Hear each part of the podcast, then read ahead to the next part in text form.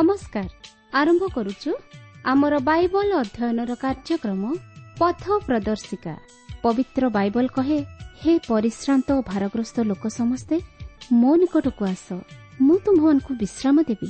ଆସନ୍ତୁ ସେହି ଜୀବନଦାତାଙ୍କର ପରିଚୟ ପାଇ ଜୀବନରେ ବାସ୍ତବ ଶାନ୍ତି ଓ ମୁକ୍ତି ପାଇବା ନିମନ୍ତେ ଶୁଣିବା ବେତାର କାର୍ଯ୍ୟକ୍ରମ ପଥ ପ୍ରଦର୍ଶିକା।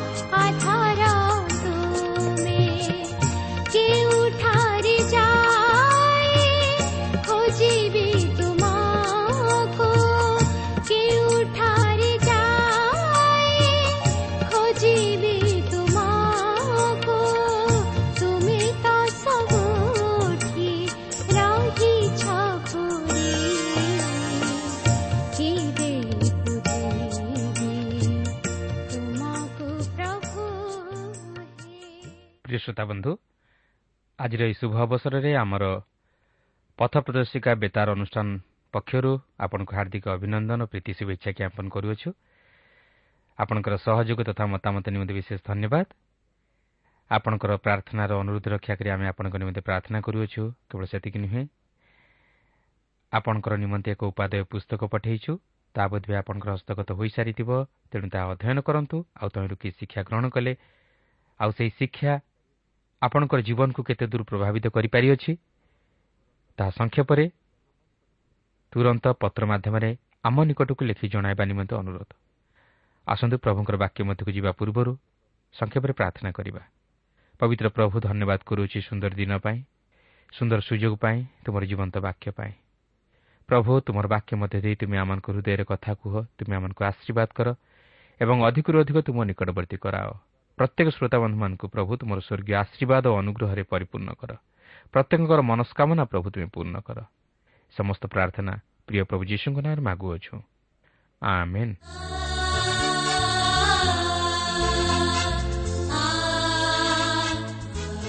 ଆସନ୍ତୁ ବର୍ତ୍ତମାନ ପ୍ରଭୁଙ୍କର ବାକ୍ୟ ମଧ୍ୟକୁ ଯିବା।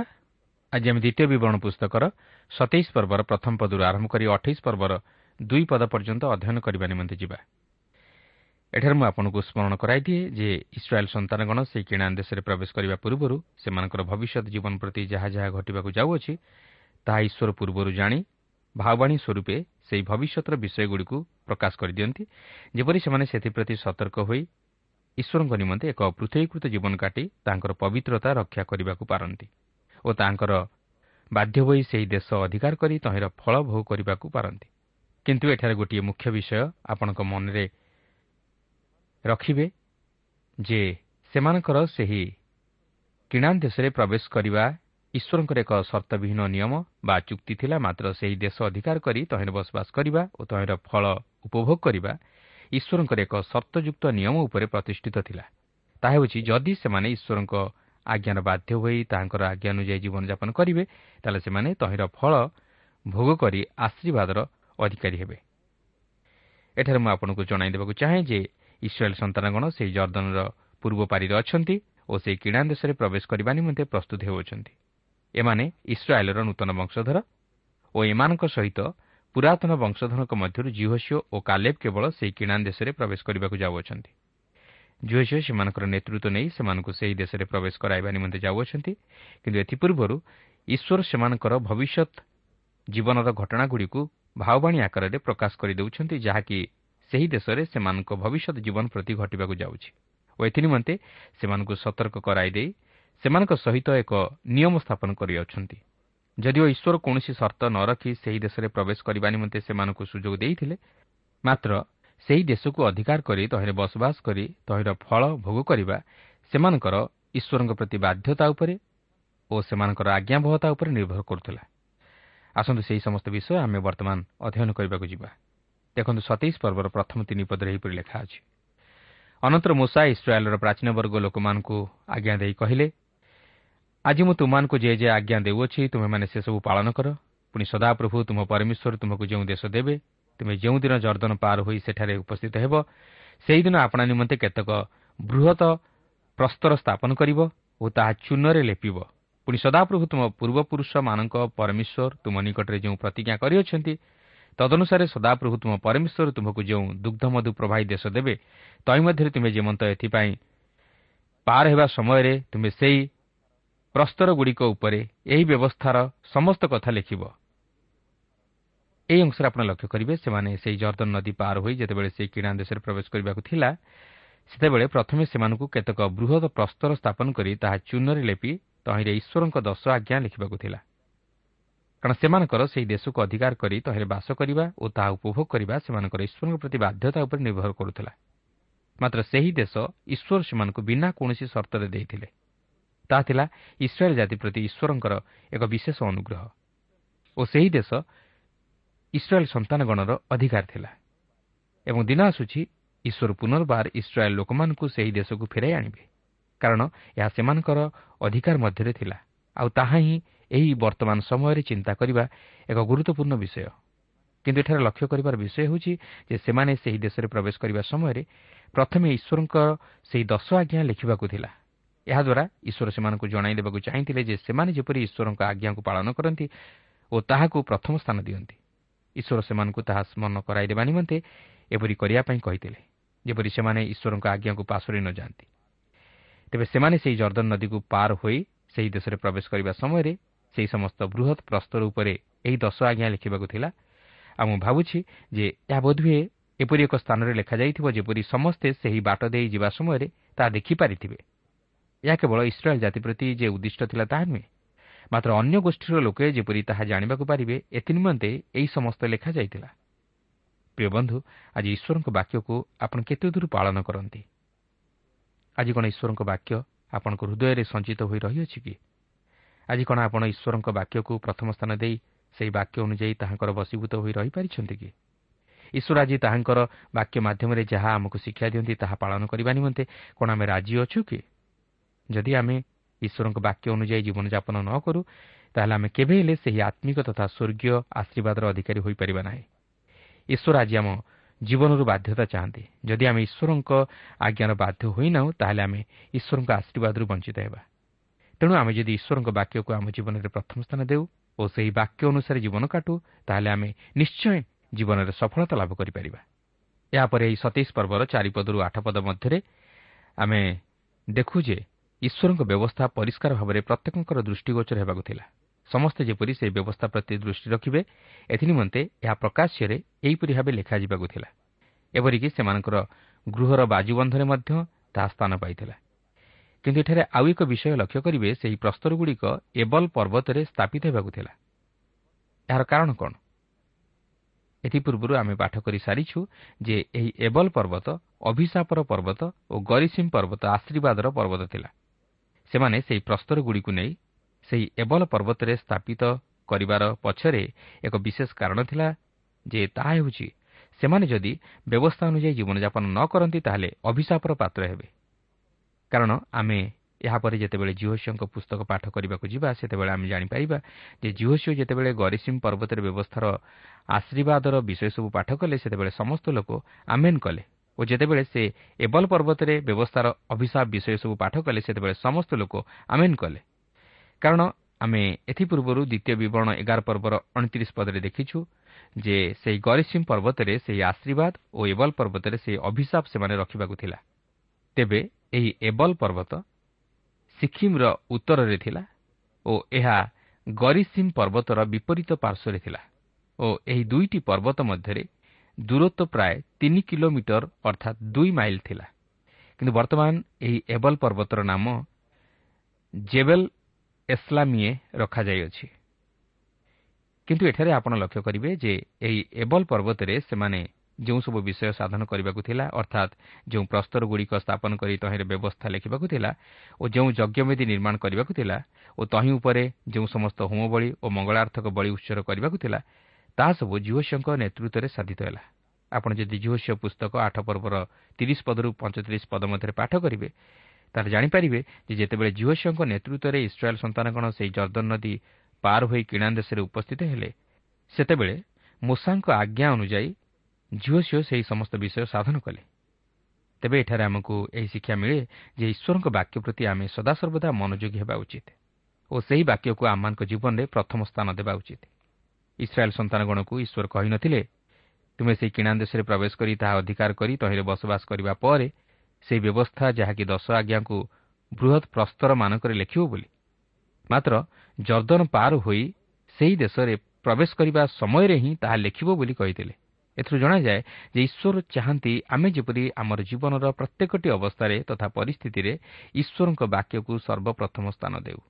ଆପଣ ମଧ୍ୟ ଜାଣି ରଖନ୍ତୁ ଯେ ଏହି ସମସ୍ତ ବ୍ୟବସ୍ଥା ଖ୍ରୀଷ୍ଟଙ୍କ ପ୍ରତି ଅଙ୍ଗୁଳି ନିର୍ଦ୍ଦେଶ କରୁଥିଲା ଓ ତାହା ଖ୍ରୀଷ୍ଟଙ୍କଠାରେ ହିଁ ସଫଳ ହେଲା।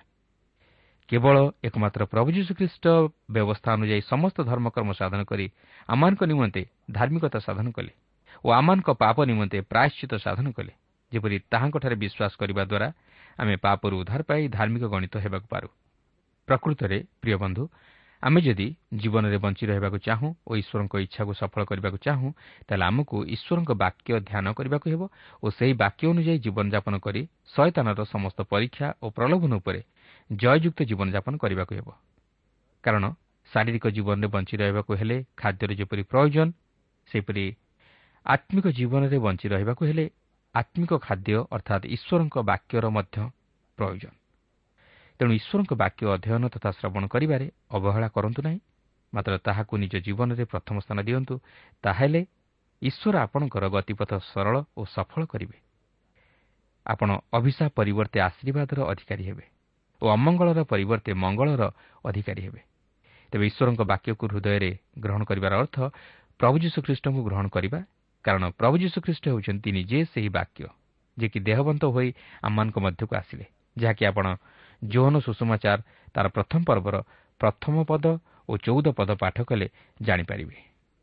ତେବେ ଏଠାରେ ଲକ୍ଷ୍ୟ କରନ୍ତୁ ଈଶ୍ୱର ସେଦିନ ଇସ୍ରାଏଲ୍ ଲୋକମାନଙ୍କୁ ଯେପରି ତାହାଙ୍କ ଆଜ୍ଞାର ବାଧ୍ୟ ହେବା ପାଇଁ କହିଥିଲେ ଓ ସେହି ସମସ୍ତ ବ୍ୟବସ୍ଥାକୁ ପ୍ରଥମ ସ୍ଥାନ ଦେବା ପାଇଁ କହିଥିଲେ ଆଜି ମଧ୍ୟ ସେ ତାଙ୍କର ପ୍ରିୟ ପୁତ୍ର ପ୍ରଭୁ ଯୀଶୁଖ୍ରୀଷ୍ଟଙ୍କଠାରେ ବିଶ୍ୱାସ କରି ତାହାଙ୍କୁ ନିଜ ହୃଦୟରେ ଉଦ୍ଧାରକର୍ତ୍ତା ରୂପେ ଗ୍ରହଣ କରିବାକୁ କହନ୍ତି ଯେପରି ଆମେ ସେହି ଯୀଶୁଖ୍ରୀଷ୍ଟଙ୍କଠାରେ ବିଶ୍ୱାସ କରିବା ଦ୍ୱାରା ବିନଷ୍ଟ ନ ହୋଇ ଅନନ୍ତ ଜୀବନ ପ୍ରାପ୍ତ ହେଉ। ପ୍ରିୟ ବନ୍ଧୁ ଈଶ୍ୱରଙ୍କ ବାକ୍ୟକୁ ଅବହେଳା କରନ୍ତୁ ନାହିଁ କି ତହିଁରେ ଅମନୋଯୋଗୀ ହୁଅନ୍ତୁ ନାହିଁ। ମାତ୍ର ସେହି ବାକ୍ୟରେ ବିଶ୍ୱାସ କରି ପ୍ରଭୁ ଯୀଶୁଖ୍ରୀଷ୍ଟଙ୍କର ବାସ୍ତବ ପରିଚୟ ପାଇ ପାପରୁ ଉଦ୍ଧାର ପାଇ ଈଶ୍ୱରଙ୍କ ସନ୍ତାନ ହେବାର ଅଧିକାର ଲାଭ କରନ୍ତୁ ଓ ଆଶୀର୍ବାଦର ଅଧିକାରୀ ହୁଅନ୍ତୁ। ଆସନ୍ତୁ ଏହାପରେ ଦେଖିବା ଯେ ସେହି ସମସ୍ତ ବ୍ୟବସ୍ଥା ପାଳନ କରିବାକୁ ମୂଷା କିପରି ସେମାନଙ୍କୁ ଦୃଢ଼ ରୂପେ ଆଜ୍ଞା ଦିଅନ୍ତି। ସତେଇଶ ପର୍ବର ନଅ ଓ ଦଶ ପଦରେ ଏହିପରି ଲେଖା ଅଛି। ଏଉତାରେ ମୂଷା ଓ ଲେବିୟ ଯାଜକମାନେ ସମସ୍ତେ ଇସ୍ରାଏଲ୍କୁ କହିଲେ ହେ ଇସ୍ରାଏଲ୍ ନିରବ ହୋଇ ଅବଧାନ କର। ଆଜି ତୁମେ ସଦାପ୍ରଭୁ ଆପଣା ପରମେଶ୍ୱରଙ୍କର ଲୋକ ହେଲ। ଏଦୁ ତୁମ୍ଭେ ସଦାପ୍ରଭୁ ଆପଣା ପରମେଶ୍ୱରଙ୍କ ରବରେ କର୍ଣ୍ଣପାତ କରିବ ଓ ଆଜି ମୁଁ ତାହାଙ୍କର ଯେ ସମସ୍ତ ଆଜ୍ଞା ଓ ବିଧି ତୁମ୍ଭକୁ ଆଜ୍ଞା କରୁଅଛି ତାହା ପାଳନ କରିବ। ଏଠାରେ ମୂଷା ଓ ଲେବିୟ ଯାଜକମାନେ ଇସ୍ରାଏଲ୍ ସନ୍ତାନଗଣକୁ ସେହି ସମସ୍ତ ଆଜ୍ଞା ଓ ବିଧି ପାଳନ କରିବା ନିମନ୍ତେ କହୁଅଛନ୍ତି। କାରଣ ତାହା ପାଳନ କରିବା ଦ୍ୱାରା ସେମାନେ ଯେ ଈଶ୍ୱରଙ୍କ ଆଶୀର୍ବାଦର ଅଧିକାରୀ ହେବେ ଏହା ଈଶ୍ୱର ମଧ୍ୟ ସେମାନଙ୍କୁ କହିଥିଲେ। ବାସ୍ତବରେ ପ୍ରିୟ ବନ୍ଧୁ ଆଜି ଆମେ ପ୍ରତ୍ୟେକ ଈଶ୍ୱରଙ୍କର ବାକ୍ୟ ପାଳନ କରିବାକୁ ଅଛି। କାରଣ ଈଶ୍ୱରଙ୍କ ବିଷୟରେ ଜାଣିଦେଲେ ବା ତାହାଙ୍କର ବାକ୍ୟ ଜାଣିଦେଲେ ଯଥେଷ୍ଟ ନୁହେଁ। ମାତ୍ର ତାହାକୁ ଆମର ଜୀବନରେ କାର୍ଯ୍ୟକାରୀ କରିବାକୁ ହେବ। ଆଜି ଅନେକ ଈଶ୍ୱରଙ୍କ ବିଷୟରେ ଜାଣନ୍ତି। ପ୍ରଭୁ ଯୀଶୁଖ୍ରୀଷ୍ଟଙ୍କ ବିଷୟରେ ମଧ୍ୟ ଜାଣନ୍ତି। ମାତ୍ର ଈଶ୍ୱରଙ୍କୁ ବା ଖ୍ରୀଷ୍ଟଙ୍କୁ ଜାଣନ୍ତି ନାହିଁ। କି ତାହାଙ୍କର ବାକ୍ୟ ଅନୁଯାୟୀ ଜୀବନଯାପନ କରିପାରନ୍ତି ନାହିଁ। ତେଣୁକରି ସେମାନେ ସତ୍ୟ ଜାଣିଲେ ମଧ୍ୟ ସତ୍ୟକୁ ଗ୍ରହଣ କରିପାରନ୍ତି ନାହିଁ। ତେଣୁ ମୋର ଅନୁରୋଧ ଆପଣ କେବଳ ଏହି ବାକ୍ୟକୁ ଶୁଣିଦେଲେ ଯଥେଷ୍ଟ ନୁହେଁ କି ତାହାକୁ ଲେଖି ରଖିଲେ ଯଥେଷ୍ଟ ନୁହେଁ ମାତ୍ର ତାହାକୁ ନିଜ ଜୀବନରେ କାର୍ଯ୍ୟକାରୀ କଲେ ଆପଣ ପ୍ରଭୁ ଯୀଶୁଙ୍କର ବାସ୍ତବ ପରିଚୟ ପାଇବେ ଓ ଏହି ବାକ୍ୟର ସତ୍ୟତାକୁ ଜାଣିପାରିବେ। ତେଣୁ ଆଜି ଆପଣ ରେଡିଓ ମାଧ୍ୟମରେ ଯାହା ଶୁଣୁଅଛନ୍ତି ତାହା କେବଳ ଆପଣଙ୍କର ଶୁଣିବାରେ ରହି ନଯାଉ ମାତ୍ର ତାହା ଯଦି ଆପଣ ନିଜର ଜୀବନରେ କାର୍ଯ୍ୟକାରୀ କରନ୍ତି ତାହେଲେ ଆଶୀର୍ବାଦର ଅଧିକାରୀ ହେବା ସଙ୍ଗେ ସଙ୍ଗେ ସତ୍ୟ ଈଶ୍ୱରଙ୍କର ପରିଚୟ ପାଇ ସେହି ସ୍ୱର୍ଗରାଜ୍ୟର ଅଧିକାରୀ ହୋଇପାରିବେ। ତେବେ ବର୍ତ୍ତମାନ ଆମେ ସେହି ଏବଲ ପର୍ବତ ଓ ଗରିସିମ୍ ପର୍ବତରେ ଇସ୍ରାଏଲ୍ ସନ୍ତାନଗଣ କିପରି ଆଶୀର୍ବାଦର ବିଷୟ ଓ ଅଭିଶାପର ବିଷୟ ରଖିବାକୁ ଥିଲା ତାହା ଲକ୍ଷ୍ୟ କରିବା। ଦେଖନ୍ତୁ ସତେଇଶ ପର୍ବର ଏଗାର ବାର ପଦରେ ଏହିପରି ଲେଖା ଅଛି ସେହିଦିନ ମୂଷା ଲୋକମାନଙ୍କୁ ଆଜ୍ଞା ଦେଇ କହିଲେ ତୁମେମାନେ ଜର୍ଦ୍ଦନ ପାର ହେଲା ଉତ୍ତାରେ ସିମିଓନ୍ ଓ ଲେବି ଓ ଜିହୁଦା ଓ ଇସାଖର ଓ ଜୋସେଫ୍ ଓ ବିନ୍ୟାମିନ୍ ଏସବୁ ବଂଶ ଲୋକମାନଙ୍କୁ ଆଶୀର୍ବାଦ କରିବା ନିମନ୍ତେ ଗରିସିମ୍ ପର୍ବତରେ ଠିଆ ହେବେ। ଏଠାରେ ଲକ୍ଷ୍ୟ କରିବେ ଯେତେବେଳେ ସେମାନେ ସେହି ଦେଶରେ ପ୍ରବେଶ କରିବାକୁ ଥିଲା ସେହି ସମୟରେ ଲୋକମାନଙ୍କ ନିମନ୍ତେ ଆଶୀର୍ବାଦର ବିଷୟ ସେହି ଗରିସିମ୍ ପର୍ବତରେ ଘୋଷିତ ହେବାକୁ ଥିଲା। ତେବେ ସେହି ଆଶୀର୍ବାଦ ଏହିସବୁ ବଂଶର ଲୋକେ କରିବାକୁ ଥିଲା। ଅର୍ଥାତ୍ ସିମିଓନ୍ ଲେବି ଜିହୁଦା ଇସାଖର ଜୋସେଫ୍ ଓ ବିନ୍ୟାମିନ୍ର ବଂଶ କରିବାକୁ ଥିଲା। ତାହେଲେ ଅଭିଶାପ କେଉଁ ବଂଶର ଲୋକେ ଓ କେଉଁଠାରେ କରିବାକୁ ଥିଲା? ଦେଖନ୍ତୁ ସତେଇଶ ପର୍ବର ତେର ପଦରେ ଲେଖା ଅଛି। ପୁଣି ରୁବେନ୍ ଓ ଗାଦ ଓ ଆସେର ଓ ସବଲୁନ୍ ଓ ଦାନ ଓ ନପ୍ତାଲି ଏସବୁ ବଂଶ ସାପ ଦେବା ନିମନ୍ତେ ଏବଲ ପର୍ବତରେ ଠିଆ ହେବେ। ଏହି ଅଂଶରେ ଆପଣ ଅଭିଶାପର ବିଷୟ ଦେଖିବାକୁ ପାରିବେ ଯାହାକି ଏହିସବୁ ବଂଶର ଲୋକେ ସେହି ଅଭିଶାପର ବିଷୟ ଘୋଷଣା କରିବେ ଓ ସେମାନେ ସେହି ଏବଲ ପର୍ବତରେ ଘୋଷଣା କରିବାକୁ ଥିଲା। ତେବେ ଏହି ଦୁଇଟି ଯାକ ପର୍ବତ ସେହି ସିକ୍କିମ ଅଞ୍ଚଳରେ ଥିଲା ଯେଉଁଠାରେ ସେହି ଜାକୁବଙ୍କ କୂପ ନିକଟରେ ଯୀଶୁ ସେହି ସମୀରଣିଆ ସ୍ତ୍ରୀ ସହିତ ସାକ୍ଷାତ କରିଥିଲେ ଓ ସେହି କୂପ ବର୍ତ୍ତମାନ ମଧ୍ୟ ସେହିଠାରେ ଅଛି। ତେବେ ବର୍ତ୍ତମାନ ଲକ୍ଷ୍ୟ କରିବାର ବିଷୟ ହେଉଛି ଯେ ଈଶ୍ୱର ଯଦିଓ ସେହି କିଣା ଦେଶକୁ ସେମାନଙ୍କର ଅନନ୍ତକାଳୀନ ଅଧିକାର ରୂପେ ଦେଇଥିଲେ ମାତ୍ର ସେଥିସହିତ ସେ ସେମାନଙ୍କର ବାଧ୍ୟତା ଚାହିଁଥିଲେ। ସେହି କିଣା ଦେଶରେ ପ୍ରବେଶ କରି ତାହା ଅଧିକାର କରି ତହିଁରେ ବସବାସ କରି ତହିଁର ଫଳ ଉପଭୋଗ କରିବା ସେମାନଙ୍କର ବାଧ୍ୟତା ଉପରେ ନିର୍ଭର କରୁଥିଲା। ସେଥିପାଇଁ ଈଶ୍ୱର ସେମାନଙ୍କୁ କହିଥିଲେ ଯଦି ତୁମେମାନେ ମୋହର ଆଜ୍ଞା ଓ ବିଧି ସବୁ ପାଳନ କରିବ ତାହେଲେ ତୁମେମାନେ ସେହି ଦେଶରେ ବାସ କରି ତହିଁର ସମସ୍ତ ସୁଖ ସୁବିଧାକୁ ଉପଭୋଗ କରିବ। ମାତ୍ର ଯଦି ତୁମେମାନେ ଅବାଧ୍ୟ ହେବ ତାହେଲେ ତୁମେମାନେ ସେହି ଦେଶରୁ ବିତାଡ଼ିତ ହୋଇ ଅଭିଶାପର ଅଧିକାରୀ ହେବ। ସେମାନଙ୍କ ପ୍ରତି ସେହି ଦେଶ ଈଶ୍ୱରଙ୍କର ଏକ ଅନୁଗ୍ରହର ଦାନ ଥିଲା। ମାତ୍ର ସେହି ଦେଶର ସମସ୍ତ ଆଶୀର୍ବାଦର ବିଷୟ ସବୁକୁ ଉପଭୋଗ କରିବା ସେମାନଙ୍କର ଆଜ୍ଞାବହତା ଉପରେ ନିର୍ଭର କରୁଥିଲା। ପ୍ରିୟବନ୍ଧୁ ପ୍ରକୃତରେ ପରିତ୍ରାଣ ବା ପାପରୁ ଉଦ୍ଧାର ପାଇବା ହେଉଛି ଈଶ୍ୱରଙ୍କର ଅନୁଗ୍ରହର ଦାନ। ମାତ୍ର ସେହି ଆତ୍ମିକ ତଥା ସ୍ୱର୍ଗୀୟ ଆଶୀର୍ବାଦର ଅଧିକାରୀ ହେବା ଆମମାନଙ୍କର ଈଶ୍ୱରଙ୍କ ପ୍ରତି ବାଧ୍ୟତା ଉପରେ ନିର୍ଭର କରେ। ତେଣୁକରି ଈଶ୍ୱର ସେମାନଙ୍କ ନିକଟରେ ଦୁଇଟି ବିଷୟ ରଖନ୍ତି ଆଶୀର୍ବାଦ ଓ ଅଭିଶାପ। ଯଦି ସେମାନେ ଈଶ୍ୱରଙ୍କ ଆଜ୍ଞାବହ ହୋଇ ତାଙ୍କର ବଶୀଭୂତ ହୋଇ ରୁହନ୍ତି ତାହେଲେ ଆଶୀର୍ବାଦ ମାତ୍ର ଯଦି ସେମାନେ ଈଶ୍ୱରଙ୍କ ଅନାଜ୍ଞାବହ ହୁଅନ୍ତି ତାହେଲେ ଅଭିଶାପ ତେବେ ସତେଇଶ ପର୍ବର ପନ୍ଦର ପଦରେ ଏହିପରି ଲେଖା ଅଛି ଯେଉଁ ମନୁଷ୍ୟ ସଦାପ୍ରଭୁଙ୍କ ଘୃଣିତ ଶିଳ୍ପକରର ହସ୍ତକୃତ କୌଣସି ଖୋଦିତ କି ଛାଞ୍ଚରେ ଢଳା ପ୍ରତିମା ନିର୍ମାଣ କରି ଗୋପନରେ ସ୍ଥାପନ କରେ ସେ ସାପଗ୍ରସ୍ତ ହେଉ ତହିଁରେ ସମସ୍ତ ଲୋକ ଉତ୍ତର ଦେଇ କହିବେ ଆମେନ୍ ଏମନ୍ତେ ହେଉ ତେବେ ଆପଣ ଦେଖିବେ ଦଶ ଆଜ୍ଞାର ପ୍ରଥମ ଦୁଇଟି ଆଜ୍ଞାରେ ଏହି ବିଷୟ ନେଇ ନିଷେଧ କରାଯାଏ ଅର୍ଥାତ୍ ପ୍ରଥମ ଆଜ୍ଞା ହେଉଛି ଆମ୍ଭକୁ ଛାଡ଼ି ଆଉ କାହାକୁ ଈଶ୍ୱର ବୋଲି ନ ମାନ ଓ ଦ୍ୱିତୀୟଟି ହେଉଛି କାହାର କୌଣସି ପ୍ରତିମା ପୂଜା ନ କର। ତେବେ ଈଶ୍ୱର କାହିଁକି ଏପରି କହନ୍ତି ଓ ଯେଉଁମାନେ ଏହାର ବିରୁଦ୍ଧାଚରଣ କରିବେ ସେମାନଙ୍କ ପ୍ରତି ଅଭିଶାପ ବର୍ତ୍ତିବ ବୋଲି କାହିଁ କହନ୍ତି? ଯେହେତୁ ସେ ହେଉଛନ୍ତି ଜୀବନ୍ତ ଈଶ୍ୱର ଓ ସେ ଚାହାନ୍ତି ମନୁଷ୍ୟ ଯେପରି ଜୀବନ୍ତ ଭାବରେ ତାହାଙ୍କର ଉପାସନା କରୁ। ତେଣୁ ଜାଣି ରଖନ୍ତୁ ଈଶ୍ୱର ପ୍ରତିମା ପୂଜାକୁ ଘୃଣା କରନ୍ତି। ଚିନ୍ତା କରନ୍ତୁ ଯେଉଁ ଈଶ୍ୱର ମନୁଷ୍ୟକୁ ଆପଣ ସାଦୃଶ୍ୟ ପ୍ରତିମୂର୍ତ୍ତିରେ ନିର୍ମାଣ କଲେ ଓ ମନୁଷ୍ୟକୁ କଥା କହିବା ପାଇଁ ମୁଖ ଦେଲେ ଦେଖିବା ପାଇଁ ଚକ୍ଷୁ ଦେଲେ ଶୁଣିବା ପାଇଁ କର୍ଣ୍ଣ ଦେଲେ ନିଶ୍ୱାସ ପ୍ରଶ୍ୱାସ ନେବା ପାଇଁ ନାସା ଦେଲେ କାର୍ଯ୍ୟ କରିବା ପାଇଁ ହସ୍ତ ଦେଲେ ଗୋଡ଼ ଦେଲେ। ସେ କେବେ ହେଲେ ନିର୍ଜୀବ ଅନ୍ଧ ମୁକ ଖଞ୍ଜ ଛୋଟା ଲେଙ୍ଗଡ଼ା ବା ବଧିର ହୋଇପାରନ୍ତି କି? କେବେ ନୁହେଁ। ମନୁଷ୍ୟ ତାଙ୍କୁ କେବେ କିଣାବିକା କରିପାରେ କି? ମନୁଷ୍ୟ ତାହାଙ୍କୁ କେବେ ବହିପାରେ କି? ମନୁଷ୍ୟ ତାଙ୍କୁ କେବେ ଫିଙ୍ଗିପାରେ କିନ୍ତୁ ଏସବୁ ମନୁଷ୍ୟ ଆଜି ନିଜର କାଳ୍ପନିକ ଚିନ୍ତାଧାରାରେ ପରିଚାଳିତ ହୋଇ ଏହିପରି କରୁଅଛି। କିନ୍ତୁ ଈଶ୍ୱର ହେଉଛନ୍ତି ସତ୍ୟ ଓ ଜୀବନ୍ତ। ଯେଉଁମାନେ ସତ୍ୟ ଓ ଆତ୍ମାରେ ତାହାଙ୍କର ଉପାସନା କରନ୍ତି ସେମାନେ ତାହାଙ୍କର ପରିଚୟ ପାଇପାରିବେ। କାରଣ ସେ ହେଉଛନ୍ତି ସତ୍ୟ ଓ ଆତ୍ମା। ସେ ହେଉଛନ୍ତି ପବିତ୍ର ଈଶ୍ୱର। ସେ କୌଣସି ନିର୍ଜୀବ ବସ୍ତୁ ମଧ୍ୟରେ ରହିବାକୁ ଚାହାନ୍ତି ନାହିଁ କିମ୍ବା ତାହାଙ୍କ ଦ୍ୱାରା ସୃଷ୍ଟ ବସ୍ତୁ ତାଙ୍କଠାରୁ ମହାନ ନୁହେଁ। ସେଥିପାଇଁ ପ୍ରେରିତ ପାଉଲ ଏହିପରି କହନ୍ତି ଯାହାକି ପ୍ରେରିତ ସତର ପର୍ବର ଅଣତିରିଶ ତିରିଶ ପଦରେ ଲେଖା ଅଛି।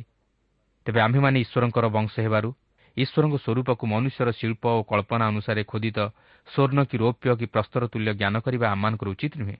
ଈଶ୍ୱର ସେହି ଅଜ୍ଞାନତାର କାଳ ଉପେକ୍ଷା କରିଅଛନ୍ତି ସତ୍ୟ କିନ୍ତୁ ଏବେ ସେ ସର୍ବତ୍ର ସମସ୍ତ ମନୁଷ୍ୟଙ୍କୁ ମନ ପରିବର୍ତ୍ତନ କରିବା ନିମନ୍ତେ ଜଣାନ୍ତି। ତେଣୁ ପ୍ରିୟ ବନ୍ଧୁ ଆପଣ ଆଜି ଯଦି ସେହିପରି ପ୍ରତିମା ପୂଜାରେ ଆସକ୍ତ ଅଛନ୍ତି ତାହେଲେ ତହିଁରୁ ମନ ଫେରାଇ ସତ୍ୟ ଓ ଜୀବନ୍ତ ଈଶ୍ୱରଙ୍କ ପ୍ରତି ମନ ଦିଅନ୍ତୁ ଓ ସତ୍ୟ ଓ ଆତ୍ମାରେ ତାହାଙ୍କର ଉପାସନା କରନ୍ତୁ। ସେଥିପାଇଁ ଯୀଶୁ କହନ୍ତି ଯାହାକି ଜୋହନ ଚାରି ପର୍ବର ଚବିଶ ପଦରେ ଲେଖା ଅଛି ଈଶ୍ୱର ଆତ୍ମା। ପୁଣି ଯେଉଁମାନେ ତାହାଙ୍କର ଉପାସନା କରନ୍ତି ଆତ୍ମାରେ ଓ ସତ୍ୟରେ ଉପାସନା କରିବା ସେମାନଙ୍କର ଉଚିତ। ପ୍ରିୟ ବନ୍ଧୁ ଆପଣ ହୁଏତ ଈଶ୍ୱରଙ୍କୁ ସନ୍ତୁଷ୍ଟ କରିବା ନିମନ୍ତେ ମୂର୍ତ୍ତି ପୂଜା କରିପାରନ୍ତି। ମାତ୍ର ଜାଣି ରଖନ୍ତୁ ଈଶ୍ୱର ତହିଁରେ ସନ୍ତୁଷ୍ଟ ନଥାନ୍ତି ବରଂ ଏହା କରିବା ଦ୍ୱାରା ମନୁଷ୍ୟ ଈଶ୍ୱରଙ୍କଠାରୁ ଆଶୀର୍ବାଦ ପାଇବା ପରିବର୍ତ୍ତେ ଅଭିଶାପ ପାଇଥାଏ। ତେଣୁ ପ୍ରତିମା ପୂଜାରୁ ଯେତେ ଶୀଘ୍ର ପାରୁଛନ୍ତି ଫେରିଆସି ସତ୍ୟ ଓ ଆତ୍ମାରେ ଜୀବନ୍ତ ଈଶ୍ୱରଙ୍କର ଉପାସନା କରନ୍ତୁ। ଏହାପରେ ଏହି ସତେଇଶ ପର୍ବର ଷୋହଳ ପଦରେ ଆଉ ଏକ ବିଷୟ ଆପଣ ଦେଖିବେ ଲେଖା ଅଛି ଯେ କି ଆପଣା ପିତାଙ୍କୁ କି ଆପଣା ମାତାଙ୍କୁ ଅବଜ୍ଞା କରାଇ ସେ ସାପଗ୍ରସ୍ତ ହେଉ। ତହିଁରେ ସମସ୍ତ ଲୋକ କହିବେ ଆମେନ୍। ଏହି ଅଂଶରେ ଆପଣ ଦେଖିବେ ଯେ ଦଶ ଆଜ୍ଞା ମଧ୍ୟରୁ ପଞ୍ଚମ ଆଜ୍ଞା ଲଙ୍ଘନ କରିବା ଦ୍ୱାରା ସେମାନେ ଯେ ସାପଗ୍ରସ୍ତ ହେବାକୁ ଥିଲା ତାହା ଈଶ୍ୱର ମୂଷାଙ୍କ ଦ୍ୱାରା ପ୍ରକାଶ କରନ୍ତି। କାରଣ ପଞ୍ଚମ ଆଜ୍ଞା ହେଉଛି ପିତାମାତାଙ୍କୁ ସମାଧାନ କର। ପ୍ରିୟ ବନ୍ଧୁ ନିଜ ପିତାମାତାଙ୍କର ଆଜ୍ଞାବହ ହେବା ଅତି ଗୁରୁତ୍ୱପୂର୍ଣ୍ଣ ବିଷୟ। କାରଣ ଜାଗତିକ ପିତାମାତା ହେଉଛନ୍ତି ଈଶ୍ୱରଙ୍କର ଅନୁରୂପ। ଯେଉଁମାନେ ନିଜର ଜାଗତିକ ପିତାମାତାଙ୍କର ବଶୀଭୂତ ହୋଇ ରହିପାରନ୍ତି ନାହିଁ ସେମାନେ କିପରି ଈଶ୍ୱରଙ୍କର ବଶୀଭୂତ ହୋଇ ରହିପାରିବେ? କାରଣ ସେମାନେ ଯଦି ନିଜର ଦୃଶ୍ୟ ପିତାମାତାଙ୍କର ବାଧ୍ୟ ହୋଇପାରନ୍ତି ନାହିଁ ତାହେଲେ କିପରି ଅଦୃଶ୍ୟ ଈଶ୍ୱରଙ୍କର ବାଧ୍ୟ ହୋଇପାରିବେ? ତେଣୁ ଆପଣ ଯଦି ପ୍ରକୃତରେ ଈଶ୍ୱରଙ୍କର ଆଶୀର୍ବାଦର ଅଧିକାରୀ ହେବାକୁ ଚାହାନ୍ତି ତାହେଲେ ନିଜର ପିତାମାତାଙ୍କର ଆଜ୍ଞାବହ ହୁଅନ୍ତୁ ଓ ନିଜର ପିତାମାତାଙ୍କ ପ୍ରତି ଉପଯୁକ୍ତ କର୍ତ୍ତବ୍ୟ କରନ୍ତୁ। ଶେଷରେ ଏହି ସତେଇଶ ପର୍ବର ଛବିଶ ପଦରେ ଏହିପରି ଲେଖା ଅଛି ଯାହାକି ମୋସା ଇସ୍ରାଏଲ୍ ସନ୍ତାନଗଣକୁ ଜଣାଇ ଦିଅନ୍ତି ଯେ କେହି ଏହି ବ୍ୟବସ୍ଥାର କଥା ସବୁ ପାଳିବାକୁ ତହିଁରେ ଆସ୍ଥା ନ କରେ ସେ ସାପଗ୍ରସ୍ତ ହେଉ। ତହିଁରେ ସମସ୍ତ ଲୋକ କହିବେ ଆମେନ୍। ଦେଖନ୍ତୁ ସେହି ସମସ୍ତ ଆଜ୍ଞା ଯିଏ ପାଳନ କରିବାକୁ ଇଚ୍ଛା ନ କରେ ସେ ସାପଗ୍ରସ୍ତ ହେଉ ବୋଲି ମୋସା କହନ୍ତି। କିନ୍ତୁ ଧନ୍ୟ ସେହି ଈଶ୍ୱର। ଆଜି ଆମେ ସେହି ବ୍ୟବସ୍ଥା ଅନୁଯାୟୀ ଜୀବନଯାପନ କରି ନ ପାରିଲେ ମଧ୍ୟ ସେ ଆମମାନଙ୍କୁ ଅନୁଗ୍ରହ କରି ସେହି ଅଭିଶାପରୁ ମୁକ୍ତ କରିଅଛନ୍ତି। କାରଣ ଯେଉଁ ଅଭିଶାପ ଆମେ ପାଇବାକୁ ଥିଲା ତାହା ପ୍ରଭୁ ଯୀଶୁଖ୍ରୀଷ୍ଟଙ୍କ ଉପରେ ବର୍ତ୍ତିଲା ଓ ସେ ଆମମାନଙ୍କୁ ସେହି ଅଭିଶାପରୁ ମୁକ୍ତ କରିଅଛନ୍ତି। ତେଣୁ ଈଶ୍ୱର ଆଜି ବ୍ୟବସ୍ଥା ଅନୁଯାୟୀ ଆମମାନଙ୍କର ବିଚାର କରନ୍ତି ନାହିଁ। ଯଦି କରିଥାନ୍ତେ ତାହେଲେ ଆମେ ଏହି ଜଗତରେ ବଞ୍ଚି ରହିବାକୁ ମଧ୍ୟ ସୁଯୋଗ ପାଇନଥାନ୍ତେ। ମାତ୍ର ସେ ଆମମାନଙ୍କୁ ଖ୍ରୀଷ୍ଟ ଯୀଶୁଙ୍କ ହେତୁ ଅନୁଗ୍ରହ କରି ଆମମାନଙ୍କର ସତ ଅଯୋଗ୍ୟତା ତଥା ଅପରାଧ ସତ୍ତ୍ୱେ ଆମକୁ ସୁଯୋଗ ଉପରେ ସୁଯୋଗ ଦିଅନ୍ତି ତାଙ୍କର ନିକଟବର୍ତ୍ତୀ ହେବା ପାଇଁ। ଯଦି ଆମେ ଏହି ସୁଯୋଗର ସଦ୍ବ୍ୟବହାର ନ କରୁ ଓ ନିଜର ପାପରୁ ନ ଫେରୁ ତାହେଲେ ଆମେ ନିଜର ପାପରେ ହିଁ ବିନଷ୍ଟ ହେବା ଯାହାର ଅନ୍ତିମ ପରିଣତି କେବଳ ଅନନ୍ତ ନରକ। ତେଣୁ ସମୟ ଥାଉଁ ଥାଉଁ ନିଜର ଜୀବନ ନିମନ୍ତେ ସତର୍କ ରୁହନ୍ତୁ ତାହେଲେ ଆପଣ ଆତ୍ମିକ ଆଶୀର୍ବାଦର ଅଧିକାରୀ ହେବେ ଓ ଅନନ୍ତ ଜୀବନର ଅଧିକାରୀ ହେବେ। ସେଦିନ ଇସ୍ରାଏଲ୍ ସନ୍ତାନଗଣକୁ ତାହା ପାଳନ କରିବା ପାଇଁ ଈଶ୍ୱର ଆଦେଶ ଦେଇଥିଲେ। କିନ୍ତୁ ସେମାନଙ୍କ ଜୀବନରେ ମଧ୍ୟ ପତନ ଘଟିଲା ମାତ୍ର ଈଶ୍ୱର ତାଙ୍କର ଅସୀମ ଅନୁଗ୍ରହ ହେତୁ ସେମାନଙ୍କୁ ପୁନର୍ବାର ସେହି ଦେଶର ଅଧିକାରୀ କରାଇବାକୁ ଯାଉଅଛନ୍ତି ଯାହାକି ଘଟିବାକୁ ଯାଉଅଛି କାରଣ ସେହି ଦେଶ ସେମାନଙ୍କର ଅନନ୍ତ ଅଧିକାର ରୂପେ ଈଶ୍ୱର ସେମାନଙ୍କୁ ଦେଇଥିଲେ ତେଣୁ ସମୟ ଆସୁଅଛି ସେମାନେ ପୁନର୍ବାର ସେହି ଦେଶର ଅଧିକାରୀ ହେବାକୁ ଯାଉଅଛନ୍ତି। ତେବେ ଏହିଠାରେ ଆମେ ସତେଇଶ ପର୍ବଟି ଅଧ୍ୟୟନ କରି ସମାପ୍ତ କଲୁ। ମାତ୍ର ଏହାପରେ ଅଠେଇଶ ପର୍ବଟିକୁ ପାଠ କରିବାକୁ ଯିବା। ଏହି ଅଠେଇଶ ପର୍ବରେ ଆମେ ଆଶୀର୍ବାଦର ବିଷୟ ଦେଖିବା ଯାହାକି ଇସ୍ରାଏଲ୍ ସନ୍ତାନଗଣ ଈଶ୍ୱରଙ୍କ ଆଜ୍ଞା ଅନୁଯାୟୀ ଜୀବନଯାପନ କରିବା ଦ୍ୱାରା ସେହି ସମସ୍ତ ଆଶୀର୍ବାଦର ଅଧିକାରୀ ହେବାକୁ ଥିଲା। ତେବେ ଏହି ଅଠେଇଶ ପର୍ବରୁ ତିରିଶ ପର୍ବ ମଧ୍ୟରେ ଆମେ ଏକ ଚମତ୍କାର ବିଷୟ ଦେଖିବାକୁ ପାରିବା ତାହା ହେଉଛି ଇସ୍ରାଏଲ୍ ସନ୍ତାନଗଣଙ୍କର ସେହି କିଣା ଦେଶରେ ବସବାସ କରିବା ନେଇ ଏକ ଭବିଷ୍ୟବାଣୀ ଯାହାକି ସେମାନେ ସେହି ଦେଶରେ ବାସ କରିବା ପୂର୍ବରୁ ଈଶ୍ୱର ସେମାନଙ୍କ ପ୍ରତି ପ୍ରକାଶ କରିଥିଲେ। ତେବେ ତିନୋଟି ଭାବବାଣୀ ସେମାନଙ୍କୁ ଅଧିକାରଚ୍ୟୁତ କରିବା ନେଇ ଈଶ୍ୱର ପ୍ରଦାନ କରିଥିଲେ ଯାହାକି ସଫଳ ହୋଇସାରିଛି ମାତ୍ର ସେମାନଙ୍କର ସୁରକ୍ଷା ଓ ଅଧିକାର ପ୍ରାପ୍ତ ନେଇ ତିନୋଟି ଭାବବାଣୀ ପ୍ରକାଶ କରିଥିଲେ। ସେଥିମଧ୍ୟରୁ ଦୁଇଟି ସଫଳ ହୋଇସାରିଅଛି। ମାତ୍ର ଆଉ ଗୋଟିଏ ଭାବବାଣୀ ସେହି ଭବିଷ୍ୟତରେ ସଫଳ ହେବାର ଅଛି। ଅର୍ଥାତ୍ ସେମାନଙ୍କର ସେହି ଦେଶକୁ ତୃତୀୟ ଥର ପାଇଁ ପ୍ରତ୍ୟାବର୍ତ୍ତନ ଯାହାକି ଭବିଷ୍ୟତରେ ଘଟିବାକୁ ଯାଉଅଛି ଯାହାକି ଆମେ ସେହି ସମସ୍ତ ପରେ ପାଠ କରିବାକୁ ଯିବା। କିନ୍ତୁ ପ୍ରଥମେ ଆମେ ସେହି ଆଶୀର୍ବାଦର ବିଷୟକୁ ଦେଖିବା ଯାହାକି ଅଠେଇଶ ପର୍ବର ପ୍ରଥମ ଦୁଇ ପଦରେ ଲେଖା ଅଛି। ମୁଁ ଆଜି ସଦାପ୍ରଭୁ ତୁମ ପରମେଶ୍ୱରଙ୍କର ଯେ ଯେ ଆଜ୍ଞା ତୁମକୁ ଆଦେଶ କରୁଅଛି ସେସବୁ ମାନିବା ପାଇଁ ଓ କରିବା ପାଇଁ ଯେବେ ତୁମେ ତାହାଙ୍କ ରବରେ ଯତ୍ନ ପୂର୍ବକ କର୍ଣ୍ଣପାତ କରିବ ତେବେ ସଦାପ୍ରଭୁ ତୁମ ପରମେଶ୍ୱର ପୃଥିବୀସ୍ଥ ସମସ୍ତ ଦେଶୀୟ ଲୋକଙ୍କ ଅପେକ୍ଷା ତୁମକୁ ଶ୍ରେଷ୍ଠ କରିବେ। ଯେବେ ତୁମେ ସଦାପ୍ରଭୁ ଆପଣା ପରମେଶ୍ୱରଙ୍କ ରବ ଶୁଣିବ ତେବେ ଏହିସବୁ ଆଶୀର୍ବାଦ ତୁମ୍ଭ ଉପରେ ବର୍ତ୍ତିବ ଓ ତୁମର ସଙ୍ଗ ଧରିବ। ତେବେ ଏହି ଅଂଶରେ ଆପଣ ଏକ ସର୍ତ୍ତ ଥିବାର ବିଷୟ ଲକ୍ଷ୍ୟ କରିବେ। ଈଶ୍ୱର କହନ୍ତି ଯଦି ତୁମେମାନେ ମୋର ଆଜ୍ଞା ପାଳନ କରିବ ତାହେଲେ ଆଶୀର୍ବାଦର ଅଧିକାରୀ ହେବ। ଆଉ ସେମାନେ କେବଳ ଈଶ୍ୱରଙ୍କ ଆଜ୍ଞାର ବାଧ୍ୟ ହେବା ଦ୍ୱାରା ଆଶୀର୍ବାଦର ଅଧିକାରୀ ହେବାକୁ ଥିଲା। କିନ୍ତୁ ଏହା କଥାରେ କହିବା ଯେଡ଼େ ସହଜ କାମରେ କରିବା ସେତେ ସହଜ ନୁହେଁ। ଈଶ୍ୱରଙ୍କ ଆଜ୍ଞା ଅନୁଯାୟୀ ଜୀବନଯାପନ କରିବା ଏତେ ସହଜ ବିଷୟ ନୁହେଁ। କିନ୍ତୁ ଈଶ୍ୱର ଚାହାନ୍ତି ଆମେ ଯେପରି ଖ୍ରୀଷ୍ଟ ଯୀଶୁଙ୍କ ସହାୟତା ଦ୍ୱାରା ତାହା ସାଧନ କରୁ। ସେଥିପାଇଁ ପ୍ରଭୁ ଯୀଶୁଖ୍ରୀଷ୍ଟ ଏହି ଜଗତକୁ ମାନବ ରୂପରେ ଅବତରଣ କଲେ ଓ ସେ ଆଜି ତାହାଙ୍କର ପବିତ୍ର ଆତ୍ମାଙ୍କ ଦ୍ୱାରା ଆମମାନଙ୍କ ହୃଦୟରେ ତାହାଙ୍କର କାର୍ଯ୍ୟ ସାଧନ କରିବା ପାଇଁ ଚାହାନ୍ତି। ତେଣୁ ଯେପର୍ଯ୍ୟନ୍ତ ଆମେ ଖ୍ରୀଷ୍ଟ ଯୀଶୁଙ୍କୁ ଗ୍ରହଣ କରି ସେହି ପବିତ୍ର ଆତ୍ମାଙ୍କର ଶକ୍ତିକୁ ପ୍ରାପ୍ତ ହୋଇନାହୁଁ ସେ ପର୍ଯ୍ୟନ୍ତ ଆମେ ଈଶ୍ୱରଙ୍କ ବାକ୍ୟ ଅନୁଯାୟୀ ଧାର୍ମିକ ଜୀବନଯାପନ କରିବା ନିମନ୍ତେ ସମର୍ଥ ହୋଇପାରିବା ନାହିଁ। ତେଣୁ ଆସୁ ଖ୍ରୀଷ୍ଟଙ୍କୁ ନିଜ ହୃଦୟରେ ଗ୍ରହଣ କରି ତାହାଙ୍କର ଶକ୍ତିରେ ଶକ୍ତି ପ୍ରାପ୍ତ ହୋଇ ଏକ ଧାର୍ମିକ ଜୀବନଯାପନ କରିବା ପାଇଁ ଚେଷ୍ଟା କରୁ। ପ୍ରଭୁ ଆମ ପ୍ରତ୍ୟେକଙ୍କୁ ଆଶୀର୍ବାଦ କରନ୍ତୁ।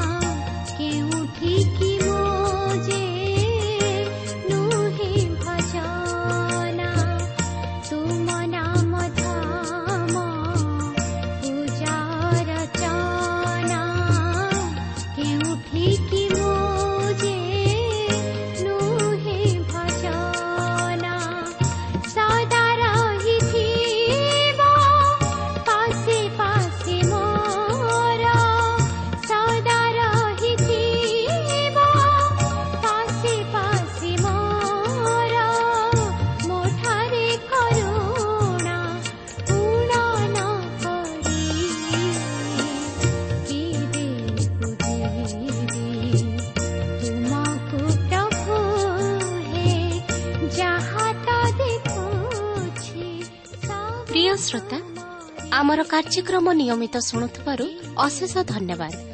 ଆପଣ ଏହି କାର୍ଯ୍ୟକ୍ରମ ଶୁଣିବା ଦ୍ୱାରା ଆତ୍ମିକ ଜୀବନରେ ଉପକୃତ ହୋଇପାରିଥିବେ ବୋଲି ଆମର ବିଶ୍ୱାସ। ପ୍ରଭୁ ଯୀଶୁଙ୍କ ବିଷୟରେ ଅଧିକ ଜାଣିବାର ଆଗ୍ରହ ଥିଲେ ଅଥବା ଉପାଦେୟ ପୁସ୍ତକର ଆବଶ୍ୟକ ଥିଲେ ଆମ ସହ ଯୋଗାଯୋଗ କରନ୍ତୁ। ଆମର ଠିକଣା ପଥ ପ୍ରଦର୍ଶିକା trans radio India post box number ତିନି ତିନି Bhubaneswar nine seven double seven double two one four one five ଠିକଣାଟି ଆଉଥରେ ଶୁଣନ୍ତୁ ପଥ ପ୍ରଦର୍ଶିକା trans world radio India post box number three three Bhubaneswar seven five one zero zero one mobile number nine seven double seven double two one four one five ଆମର email ଆଡ୍ରେସଟି ଲେଖି ରଖନ୍ତୁ Odia TTV at radio eight eight two dot com ତେବେ ଆଜି ପାଇଁ ବିଦାୟ ଦିଅନ୍ତୁ। ନମସ୍କାର।